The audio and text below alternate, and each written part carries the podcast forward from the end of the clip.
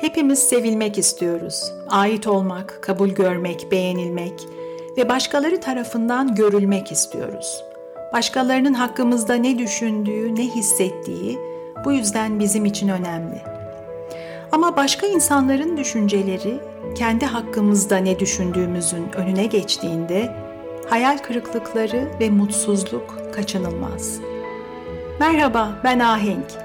Her bölümde psikoloji, edebiyat ve felsefenin rehberliğinde insan olmanın anlamını, hayatın anlamını ve mucizevi beynimizi keşfe çıkacağımız Mutlu Beyin podcast'ine hoş geldiniz.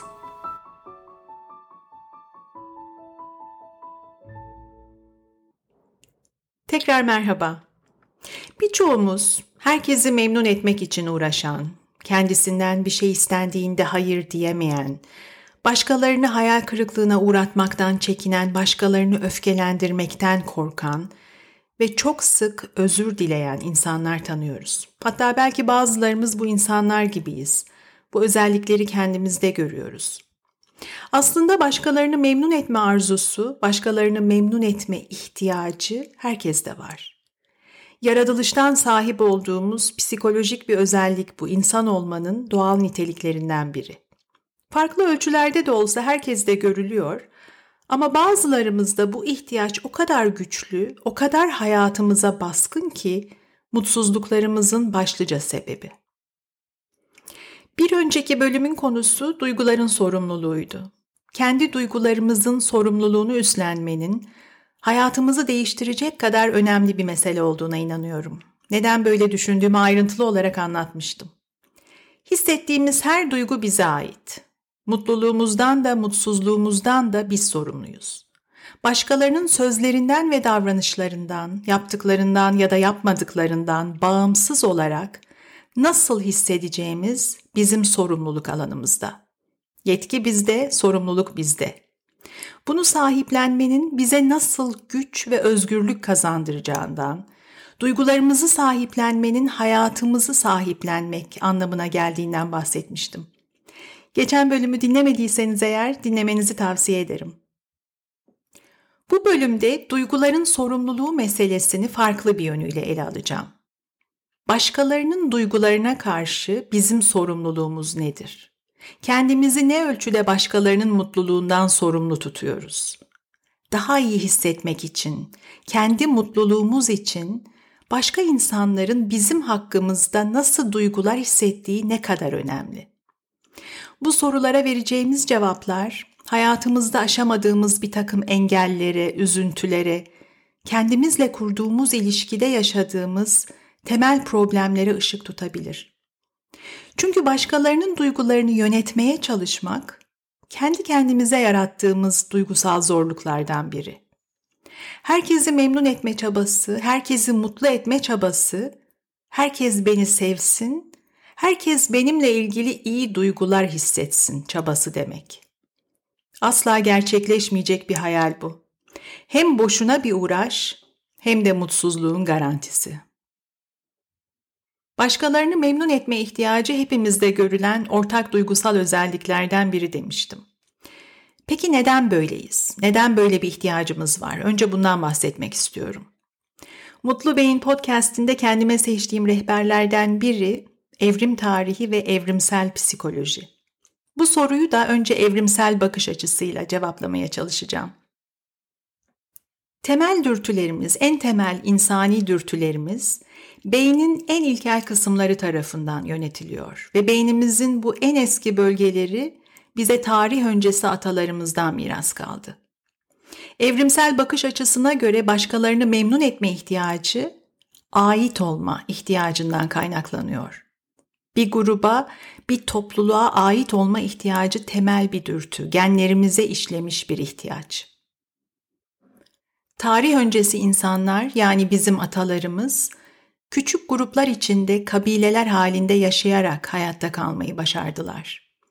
Biz insanlar bir grup olarak hareket etmeyi ve ortak amaçlara ulaşmayı mümkün kılan işbirliği becerisine sahibiz. Tarih öncesinin o vahşi dünyasında İş bölümü yaparak avlanmışız, işbirliğiyle kaynaklar bulmuşuz, o kaynaklardan ortaklaşarak faydalanmışız.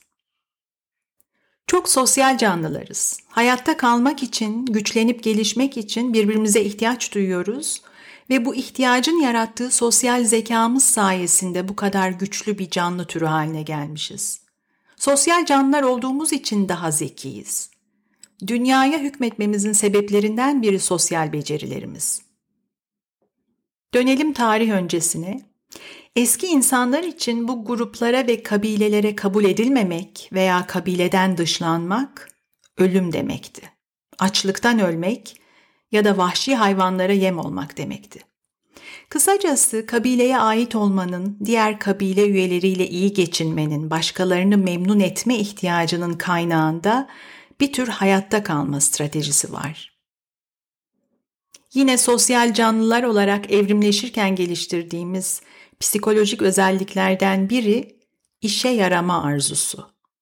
O küçük topluluklarda başka insanlarla birlikte var olmaya çalışırken herkesin bir görevi, bir işlevi vardı. Herkes işbirliğinin parçasıydı. Kabileye ait olmak ve kabile üyelerinin işine yaramak, bu strateji, bu taktik biz evrimleşirken insan olmanın doğal özelliklerinden biri haline geldi. Tam da bu yüzden en eski, en ilkel korkularımızdan biri terk edilmek. Reddedilmekten, terk edilmekten, bir başına kalmaktan korkuyoruz. Kabul edilmeye, onaylanmaya, sevilmeye ihtiyaç duyuyoruz. Başkaları tarafından görülmek, duyulmak istiyoruz. Görünmez hissetmek, yok sayılmak acı veriyor bize. Şunu unutmamak önemli. Su kaynakları ve yiyecek peşinde, güvenlik arayışı içinde hiç durmadan hareket eden, sık sık yer değiştiren göçmen kabilelerde evrimleştik. Kabile üyeleri tarafından görülmeyen, fark edilmeyen, unutulan insanlar geride kalmaya, kaybolmaya, kurda kuşa yem olmaya mahkumdular. Başkaları tarafından görülmeme korkusunun kaynağında bu var. Kısacası başka insanlarla birlikteyken önemli ve değerli hissetmeye ihtiyacımız var. Başkalarının hakkımızda ne düşündüğü bizim için önemli. Kim ne derse desin umurumda değil başkalarının ne düşündüğü beni hiç ilgilendirmiyor, hiç umursamıyorum diyoruz ya bazen. Psikoloji bunun bir yalan olduğunu söylüyor. Hepimiz başkalarının hakkımızda ne düşündüğünü umursuyoruz. Farklı ölçülerde ama umursuyoruz. Hiç önemsememek, umursamamak insan doğasına aykırı çünkü hayatımızı yaratan temel unsurlardan biri sahip olduğumuz ilişkiler ve o ilişkilerin niteliği. İnsan olmanın gerçeklerinden biri bu. Ama bir gerçek daha var. Podcast'in ilk bölümünden itibaren özellikle vurguladığım bir şey bu. Çok önemli olduğuna inanıyorum. Hayatta tecrübe ettiğimiz her şeyi, yaşadığımız her olayı, her durumu, yaşadığımız her ilişkiyi belirleyen hangi düşüncelerle tecrübe ettiğimiz. Ne düşünüyorsak o düşüncenin yarattığı duyguları tecrübe ediyoruz. Bir insanla kurduğumuz ilişkinin içeriğini o insan hakkında ne düşündüğümüz belirliyor. Bir insan hakkındaki düşüncelerimizin tamamıysa o insanın bizde bıraktığı izlenim, o insandan edindiğimiz izlenim. Herkes bir izlenim bırakıyor bizde. Herkesin zihnimizde bir imajı var. Biriyle ilk kez tanıştığımızda birkaç dakika içinde oluşuyormuş bu izlenim. O insan hakkında nasıl düşünüyorsak, o düşüncelerin yarattığı duygularla davranıyoruz. Bu yüzden herkese aynı şekilde davranmıyoruz. Çünkü herkes hakkında aynı düşüncelere sahip değiliz. Kısacası bir insanla ilişki kurduğumuzda, etkileşim içindeyken doğrudan o insanla değil, o insan hakkında sahip olduğumuz kendi düşüncelerimizle ilişki içindeyiz. Aynı şekilde başkalarının bize olan davranışlarını belirleyen de insanların bizim hakkımızda ne düşündükleri. Biz de karşımızdakinde bir izlenim bırakıyoruz. Bize bakıyorlar ve tamamen kendi zihinleriyle görüyorlar bizi. Kendi mizaçları, hayat tecrübeleri, değer yargılarıyla, kendi yorumlarıyla görüp hakkımızda bir takım şeyler düşünüyorlar. Yani sosyal ilişkilerin içeriğini belirleyen insanların birbiri hakkında sahip olduğu izlenimler. Birbirleri hakkında ne düşündükleri. Sosyal canlılar olarak hepimiz bunu neredeyse bir içgüdüyle biliyoruz. Bu yüzden nasıl bir izlenim bırakmak istediğimiz bizim için önemli. İnsanların hakkımızda ne düşündüğünü bu yüzden umursuyoruz. Ama yaratılıştan sahip olduğumuz bu biyolojik ve psikolojik dürtüler hiç durmadan başkalarını memnun etme gayreti içine sürüklediği zaman bizi bir şeyler ters gidiyor. Başkalarının bizim hakkımızda ne düşündüğü, nasıl hissettiği, hayatta yaptığımız seçimler ve aldığımız kararlar üzerinde, mutluluğumuz üzerinde en belirleyici unsur haline geldiğinde kendimizden vazgeçmiş oluyoruz.'' Başkalarıyla kurduğumuz her ilişkinin temelinde kendimizle kurduğumuz ilişki var. Başkalarının bizi nasıl gördüğü, bizim kendimizi nasıl gördüğümüzün, kendi hakkımızda ne düşündüğümüzün önüne geçtiğinde kayboluyoruz. İstemeden söylediğimiz her evet, kendimize söylediğimiz bir hayır oluyor. Başkalarını hayal kırıklığına uğratmamak için, Başkalarında kötü duygular yaratmamak için aslında istemeden yaptığımız her şey kendi hayatımızda hayal kırıklığı, öfke, kendine yönelik öfke, pişmanlık, kırgınlık ve değersizlik duyguları yaratıyor. Peki doğrusu ne? Kendimiz için en doğruyu nasıl bulacağız? Madem ait olmak, kabul görmek, sevilmek temel bir dürtü, başkalarıyla iyi geçinmek, başkalarını memnun etmek temel bir insani ihtiyaç, bu ihtiyacı nasıl yöneteceğiz? Dozu nasıl ayarlayacağız? Anlayışlı, iyiliksever, yardımsever, cömert bir insan olmakla herkesi memnun etmek için uğraşıp didinen biri olmak arasındaki fark ne? Bence bu soruları cevaplamanın yolu herkesi memnun etmeye çalışan, başkalarının düşüncelerini, duygularını, başkalarının mutluluğunu öncelikli gören biri olmak ne demek? Bunu tanımlamakla başlıyor. Ben de şimdi adım adım bu tanımı yapmaya çalışacağım. Sıralayacağım özellikler bakalım size ne kadar tanıdık gelecek. Kendinizden bir şeyler bulacak mısınız? Tanıdığınız, bildiğiniz, belki çok yakınınızda olan insanlardan izler bulacak mısınız? Ama şuna inanıyorum. Rönesans'ın en önemli düşünürlerinden biri olan Montaigne'in çok güzel bir sözü var. Her insanda İnsanlığın bütün halleri vardır, diyor Montaigne. Hepimizde zaman zaman kendini gösteren, belki hayatın tüm alanlarında değil ama bazı alanlarında daha hakim ve belirgin hale gelen düşünce ve davranış biçimleri bunlar. Farklı dozlarda, farklı tonlarda belki ama çoğumuzun duygu dünyasında izini sürebileceğimiz düşünce alışkanlıkları. Herkesi memnun etmeye uğraşan, başkalarının mutluluğunu öncelikli gören kişileri tanımlayan özellikler neler? Bunlardan biri şu. İnsanların işine yaradığınız sürece değerli olduğunuzu düşünüyorsunuz ve kendinizi iyi hissetmek için, değerli hissetmek için işe yaradığınızı ispatlamaya ve başkaları tarafından onaylanmaya ihtiyacınız var. Sizi en çok korkutan şeylerden biri reddedilmek kabul görmemek, istenmemek. Bunların önüne geçmek için insanları mutlu etme gayreti içindesiniz. Bana ihtiyaç duyarlarsa beni reddetmezler. Bana ihtiyaç duyarlarsa beni isterler düşüncesiyle davranıyorsunuz. Ve işte bu yüzden hayır diyebilmek sizin için çok zor. Sizden istenen bir şeye hayır dediğinizde suçlu hissediyorsunuz.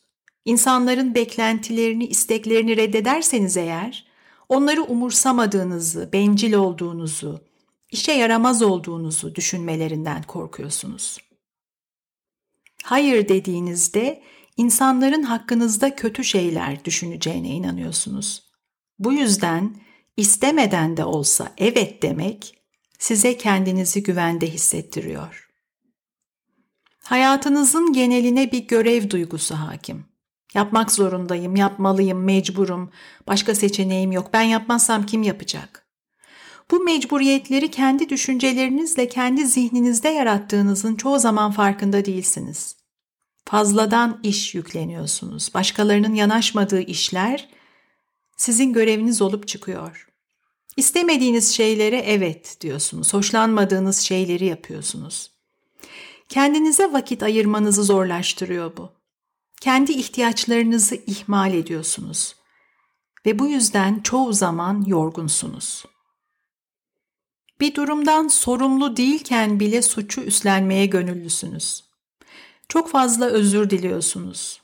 Görev duygusu gibi hayatınıza hükmeden bir başka duygu da bu. Suçluluk duygusu. Bu suçluluk duygusunun temelinde başka bir korku var. Başkalarının size öfke duyması en çok korktuğunuz şeylerden biri bu. Başkalarını öfkelendirmek, başkalarında rahatsız duygular yaratmak. Amacınız insanları hep memnun etmek olduğu için başkalarının öfkesi memnun olmadıklarının ifadesi demek. Öfkeden kaçmak için, başkalarının size öfkelenmesini en baştan engellemek için en baştan özür diliyorsunuz. Bazen ortada özür dilenecek bir durum yokken bile af dilerken buluyorsunuz kendinizi. Kendinizden bir şeyler vermeye isteklisiniz hep. Çoğu ilişkide çok erken ve çok fazla veriyorsunuz. Çok sık özveride bulunuyorsunuz. Bir yandan da insanlar değerinizi bilsin, verdikleriniz karşılığını bulsun diye ümit ediyorsunuz ama çoğu zaman bu beklentiniz hayal kırıklığıyla sonuçlanıyor. İlişkileriniz sizi tatmin etmiyor. Ve duygusal olarak zor bir çelişki çıkıyor ortaya. Herkesi memnun etmekle uğraşıyorsunuz ama memnun etmeye uğraştığınız insanların çoğuna içten içe dargınsınız. Çoğu insanın bencil, duyarsız, saygısız, umursamaz, değer bilmez olduğuna inanıyorsunuz. Çok zor bir dünya bu. Bu dünyada herkes size bir şeyler borçlu ama kimse borcunu ödemeye niyetli değil. Bu yüzden çok sık pişmanlık hissediyorsunuz. Neden peki dedim, neden kabul ettim, neden hayır diyemedim? Hayatta birçok durumun mağduru, kurbanı olarak görüyorsunuz kendinizi. Alıngansınız, çok kolay inciniyor duygularınız. Çok sık kendinize acıyorsunuz. Başkalarını memnun etmekle çok fazla meşgul olduğunuz için kendi isteklerinizden, kendi arzularınızdan, aslında olduğunuz insandan kopmuş hissediyorsunuz. Başkalarının sizin hakkınızda ne düşündüğü, sizin kendi hakkınızda ne düşündüğünüzden daha önemli. Ve kendinizi kendi duygularınızı anlamayı zorlaştırıyor bu. Bu yüzden kim olduğunuzu unutmuş gibisiniz. Mesela bazen birisiyle aynı fikirde değilken bile gerçek düşüncenizi saklayıp aynı fikirdeymiş gibi davranmayı tercih ediyorsunuz. Bir konuda kendi görüşünüzü oluşturup ifade etmeden önce başkalarının ne düşündüğünü öğrenmeye çalışıyorsunuz. Size sıkıcı gelen konulara, sıkıcı bulduğunuz insanlara sanki ilgi duyuyormuş gibi davranmaya mecbur hissediyorsunuz. Hiç içinizden gelmezken bile neşeli, sıcak, samimi davranmak zorunda görüyorsunuz kendinizi. Gerçekte kim olduğunuzu saklıyorsunuz. İnsanlar sizi kabul etsin, sizi beğensin ve sevsin diye aslında olmadığınız biri gibi davranıyorsunuz. Kısacası çok sık yalan söylüyorsunuz. İnsanların sizin hakkınızdaki düşüncelerini ve duygularını yönetmek için onları manipüle etmeye çalışıyorsunuz. Hem başkalarına ama en çok da kendinize söylediğiniz yalanların yüküyle zorlaşan, ağırlaşan bir hayat bu. Çelişki de bu zaten. Bizi mutlu edeceğini sandığımız şeyin, herkes bizi severse, beğenirse, takdir ederse çok mutlu olacağız diye düşündüğümüz ve istediğimiz şeyin sonuçta mutsuzluğumuzun kaynağı haline gelmesi. Annie Dillard çok sevdiğim bir yazar. Onun çok sevdiğim çok sade bir sözü var. Diyor ki, günlerimizi nasıl geçiriyorsak hayatımızı da öyle geçiriyoruz. Her günü nasıl yaşamayı seçtiğimiz bütün hayatımızı nasıl yaşadığımızı belirliyor. Herkesi memnun etmek için uğraşarak geçen her gün, başkaları için yaşadığımız her gün kendimizden çaldığımız, esirgediğimiz bir hayat demek. Herkesi memnun etme çabasının ağır bedelleri var. Bu çabayla yaşamanın hayatımızda yarattığı çok zor duygular, mutsuzluklar, bize zarar veren sonuçları var. Bunlardan ilki endişe duygusu. Ya beğenilmezsem, ya yetmezsem, ya memnun olmazlarsa, ya hakkımda kötü şeyler düşünürlerse. Düşüncelerimizle bir canavar yaratıyoruz ve kafamızın içinde o canavarla yaşıyoruz. Gereğinden fazla iş yüklenmek, kendini istemediğin şeyleri yapmaya zorlamak, kendi doğrularından vazgeçmek, ihtiyaçlarını ihmal etmek, gerçek duygularını bastırmak, kendini ifade edememek. Tüm bunlar hem duygusal hem fiziksel olarak stres yaratan şeyler. Stres kişinin biyolojik ve psikolojik dengesinin bozulmasına gösterdiği bir tepki durumu. Sınırlarımız zorlandığında ortaya çıkan bir tür gerilim. Bir şey bizi tehdit ettiğinde, bize acı verdiğinde vücudumuz kendi dengesini kurabilmek için bir tepki gösteriyor. Stres bu. Hayatımızda stres ve endişe, kaygı yaratan şeylerden biri kontrol edemediğimiz, hiçbir zaman kontrol edemeyeceğimiz şeyleri kontrol altında tutmaya, yönetmeye çalışmak. Zaten endişe özünde belirsizliğin yarattığı bir duygu. Kesin olarak bilemediğimiz, dolayısıyla kontrol edemediğimiz durumlar belirsiz bizim için. Başkalarının düşünceleri, duyguları, o düşünce ve duyguların yarattığı davranışlar, başka insanlar hiçbir zaman kontrol edemeyeceğimiz, yönetemeyeceğimiz şeyler. Oysa başkalarını memnun etme, mutlu etme gayreti tam da bu. Başka insanların bizim hakkımızdaki düşüncelerini ve duygularını yönetmeye çalışmak. Onlarda bir takım duygular yaratmaya çalışıyoruz. Çünkü bizim duygularımız, bizim mutluluğumuz başkalarının bizim hakkımızda ne hissedeceğine bağlı mutluluğumuzu bizim kontrolümüzde olmayan, yönetemeyeceğimiz bir şeye bağlamış oluyoruz. Neden biliyor musunuz? Birini memnun etmeye çalışıyor olmak onun memnun olacağının garantisi değil. Ne hissedecekse kendi düşüncelerinin yarattığı duyguları hissedecek. İşte bu yüzden endişe, stres hatta depresyon kaçınılmaz hale geliyor. Herkesi memnun etme uğraşının yarattığı bir başka mutsuzluk alınganlık. Alınganlık bir mutsuzluk türü çünkü. Alınmak, gücenmek, kırılmak, haksızlığa uğradım, mağdur edildim, kıymetim bilinmedi. Onaylanma, takdir edilme beklentisi karşılanmadığı zaman haksızlık ve mağduriyet hissi yaratıyor bu. Ve kendimizi mağdur edilmiş hissettiğimizde bir mağdur gibi davranıyoruz. Bir mağdurun hayatını yaşıyoruz. Alınganlığa eşlik eden duygulardan biri de öfke, bastırılmış öfke ve onun sonucu olarak ortaya çıkan pasif agresif davranışlar. Pasif agresif davranış negatif duyguları açıkça değil, dolaylı olarak ifade etmek demek. Doğrudan bir çatışmaya girmekten kaçındığımızda hissettiğimiz öfkeyi, asabiyeti, hoşnutsuzlukları saklamadan açıkça dile getirmek yerine küçük saldırganlıklarla ifade ediyoruz. Hatta bazen farkında bile olmadan sergiliyormuşuz pasif agresif davranışları. Taşıdığımız gerilimi azar azar atmamıza yarayan bir davranış biçimi bu. Psikoloji her pasif agresif davranışın gerisinde bir mutsuzluk olduğunu söylüyor. Hem kendimizde hem başkalarında gördüğümüzde hatırlamakta fayda var bunu. Stres, endişe, alınganlık, öfke, pasif agresif davranışlar tüm bunlar ilişkilerimizde mutsuzluk ve tatminsizlik yaratıyor. Şöyle bir gerçek var. Herkesi memnun etmek mümkün değil. Herkes tarafından sevilmek imkansız. Herkesin zevkine uygun değiliz. Birileri bizi sevecek, birileri sevmeyecek. Bazıları bizden hoşlanacak, bazıları hiç hoşlanmayacak. Biz ne yaparsak yapalım hoşlanmayacak. Hayatın gerçeği bu. İşin kötüsü beğenilmek, takdir edilmek için gerçekte olduğumuzdan farklı biri gibi davrandığımızda, gerçekte olduğumuz kişiyi sakladığımızda bizi hakiki özgün halimizle sevecek ve kabullenecek insanları da bir bakıma kaybetmiş oluyoruz. Kendimizi saklarsak bizi nasıl bulacaklar? Herkesi memnun etme gayretinin yarattığı sonuçlardan biri bu yüzden mutsuz ilişkiler. Çok ilginç bu konu üzerine okurken karşıma beni şaşırtan bir tespit çıktı. Herkesi memnun etmeye uğraşanların yaşadığı duygusal zorluklardan biri de kararsızlıkmış. Bir türlü karar verememek, kendi yolunu çizememek. Kararsızlığın birçok sebebi var ama başlıca sebeplerden biri Güvensizlik, kendi aklına, kendi doğrularına, sezgilerine güvenmemek.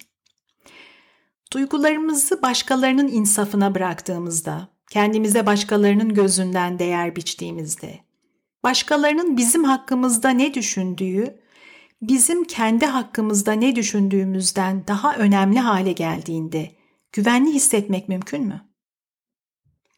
Kendine güvenmek, kendine inanmak yani özgüven duygusu aslında en sade tanımıyla kendi hakkında ne düşündüğün demek. Kendi hakkındaki görüşün.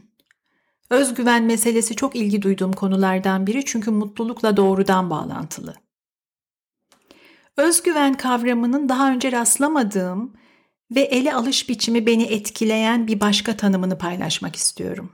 Bu bölümün konusuyla doğrudan ilgili. Okuduğum psikoloji makalelerinden birinde çıktı karşıma. Şöyle diyordu. Özgüven, başkalarının rahatsız duygularına, negatif duygularına tahammül etme becerisidir. Başkalarının rahatsız duygularına tahammül etme becerisi. Yani kendini başkalarının duygularından sorumlu görmemek, başkalarının kötü duygularını düzelteceğim, tamir edeceğim, iyileştireceğim diye kendi görevin haline getirmemek. Ve en önemlisi kendi duygularının, kendi mutluluğunun sorumluluğunu üstlenmek. Bunun ilk adımı istemediğimiz şeylere hayır demeyi öğrenmekten geçiyor. Duygusal olarak en yüklü sözcüklerden biri hayır. Tek bir sözcük ama aslında tam bir cümle. Kendimize evet diyebilmek, istemediğimiz şeylere hayır demekle başlıyor. Bir sonraki bölümün konusu bu. Hayır diyebilmek, hayır demeyi öğrenmek. Bunu nasıl başarabiliriz? Gelecek hafta bu sorunun peşine düşeceğim. Mutlu Beyin Podcast'inde her hafta yeni bir bölüm yayınlıyorum. Her pazartesi yeni bir bölüm paylaşmaya devam edeceğim. Ama zaman zaman iki bölüm birden yayınlayacağım. Bu hafta yaptığım gibi. Bonus bölümler bunlar. Ve her biri o haftaki bölümün konusuyla içeriğiyle bağlantılı olacak. Bu hafta bu bonus bölümlerden ilkini paylaşıyorum. Biz kadınlar neden başkalarına hep hoş, tatlı, sempatik görünmeye çalışıyoruz? Başkalarını memnun etme gayreti neden özellikle kadınlarda daha güçlü? Tatlı kız sendromu diyorum ben bu duruma. Bu haftanın bonus bölümünü dinlemeyi unutmayın. Yeni bölümleri, yeni hikayeleri kaçırmamak için Mutlu Beyni takibe alın. Tekrar görüşmek üzere.